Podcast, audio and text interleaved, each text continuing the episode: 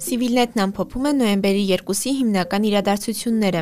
Հակառակորդը շարունակում է հրթիռահրետանային հարվածներ հասցնել խաղաղ բնակավայրերին։ Սիրիացի վարձկանի նկատմամբ որպես խափանման միջոց ընտրվել է կալանավորումը։ Հրապարակել են ադրբեջանական բանակի կորուստների վերաբերյալ վերջին տվյալները։ Կառավարությունում շարունակում է գործել սոցիալական եւ նյութական աջակցության շտաբը։ Կորոնավիրուսի իրավիճակը Հայաստանում Արցախի պաշտպանության բանակը հաղորդում է, որ գիշերվա ընթացքում Արցախա-ադրբեջանական ճակատային գծում տարբեր ինտենսիվությամբ ընթացել են մարտական գործողություններ։ Որոշ ուղություններում ծավալվող հակառակորդի շարասյունները հայտնաբերվել եւ ոչնչացվել են պաշտպանության բանակի ստորաբաժանումների կողմից։ Հակառակորդը շարունակել է նաեւ հրթիռահրետանային հարվածներ հասցնել խաղաղ բնակավայրերին։ Հարավարևելյան ուղությամբ հակառակորդը փորձել է առաջնագծին մոտեցնել զրահատեխնիկա։ Պաշտպանության բանակի ստորաբաժանումների ձեռնարկած գործողությունների արդյունքում խոցվել է հակառակորդի 1 տանկ, իսկ մնացածները հետ են քաշվել։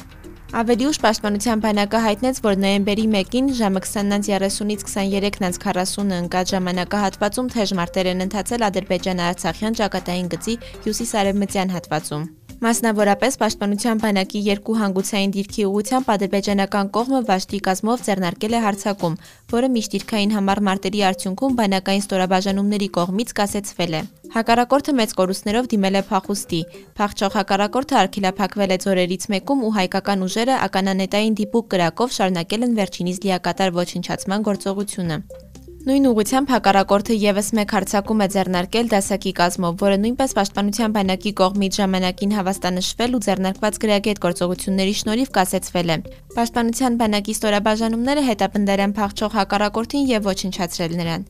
Ներկա պահին ճակատային գծի տվյալ հատվածում օպերատիվ մարտավարական իրադրությունը լրիվությամբ գտնվում է պաշտպանության բանակի ստորաբաժանումների վերահսկողության ներքո։ Արցախի արտակարգ իրավիճակների պետական ծառայությունը հայտնում է, որ նոյեմբերի 1-ի գիշերը եւ նոյեմբերի 2-ին ադրբեջանական զինուժը շարունակել է կրակի տակ պահել Արցախի բնակավայրերը։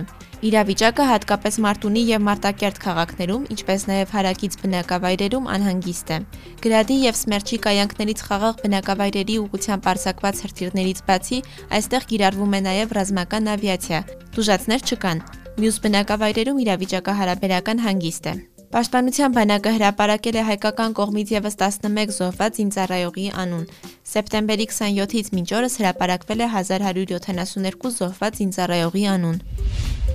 Հայկական միասնական տեղեկատվական կենտրոնն ամփոփել է հակառակորդի կորուստները նոյեմբերի 2-ի դրությամբ։ Սեպտեմբերի 27-ից մինչ օրս հայկական զինված ուժերը ոչնչացրել են հակառակորդի 249 ԱԹՍ, 16 ուղաթիռ, 25 ինքնաթիռ, 675 զրահատեխնիկա, 6 տոս։ Ադրբեջանական կողմը ըստ Արցախի պաշտպանության բանակի ունի 7050 զոհ։ Ազգությամբ արաբ Սիրիայի քաղաքացի Մուհրաբ Մուհամմադ Ալ-Շխերի նկատմամբ որպես խափանման միջոց ընտրվել է կալանավորումը։ Այս մասին հաղորդում է Հայաստանի Հանրապետության քնչական կոմիտեն։ Նախաքննությունը շարունակվում է։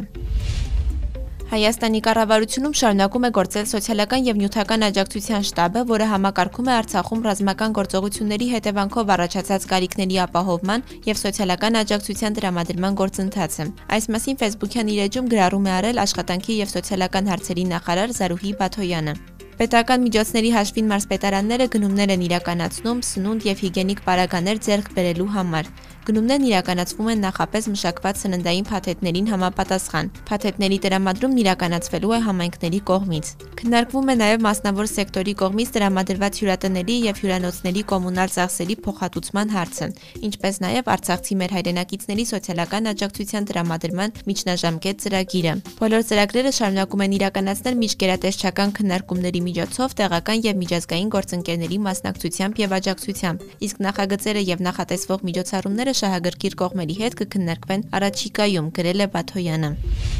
Ռուսական կոմերսանտ թերթը ծավալուն հոդված է հրապարակել Հայաստանի վարչապետ Նիկոլ Փաշինյանի Ռուսաստանի նախագահ Վլադիմիր Պուտինին ուղված դիմումի վերաբերյալ։ Փաշինյանը Պուտինին շաբաթօրը դիմել էր սկսելու անհապաղ երկկողմ խորհրդակցություններ Ռուսաստանի հնարավոր ռազմական օգնությունը քննարկելու համար։ Թերթը գրում է, որ Նիկոլ Փաշինյանի ուղերձը Մոսկվային շատ դժվար ընտրության առաջ է կանգնեցրել Բաքվի եւ նրա հետևում կանգնած Թուրքիայի հետ հակամարտությունը Մոսկվայի համար անընդունելի է, սակայն Մոսկվան չի կարող թույլ տալ իր դաշնակցի պարտությունը, որը հարված կլինի հետ խորհրդային տարածքում Ռուսաստանի հեղինակությանն ու շահերին։ Հոդվածի հայերեն թարգմանությունը կարդացեք Civilnet-ի կայքում։ Հայաստանում նոյեմբերի 2-ի դրությամբ հաստատվել է կորոնավիրուսի 1194 նոր դեպք, 639 մարդ առողջացել է, մահացել է 28 մարդ։ Բացասական թեստերի թիվը 1350 է։ Դրական է կատարված թեստերի գրեթե 47%-ը։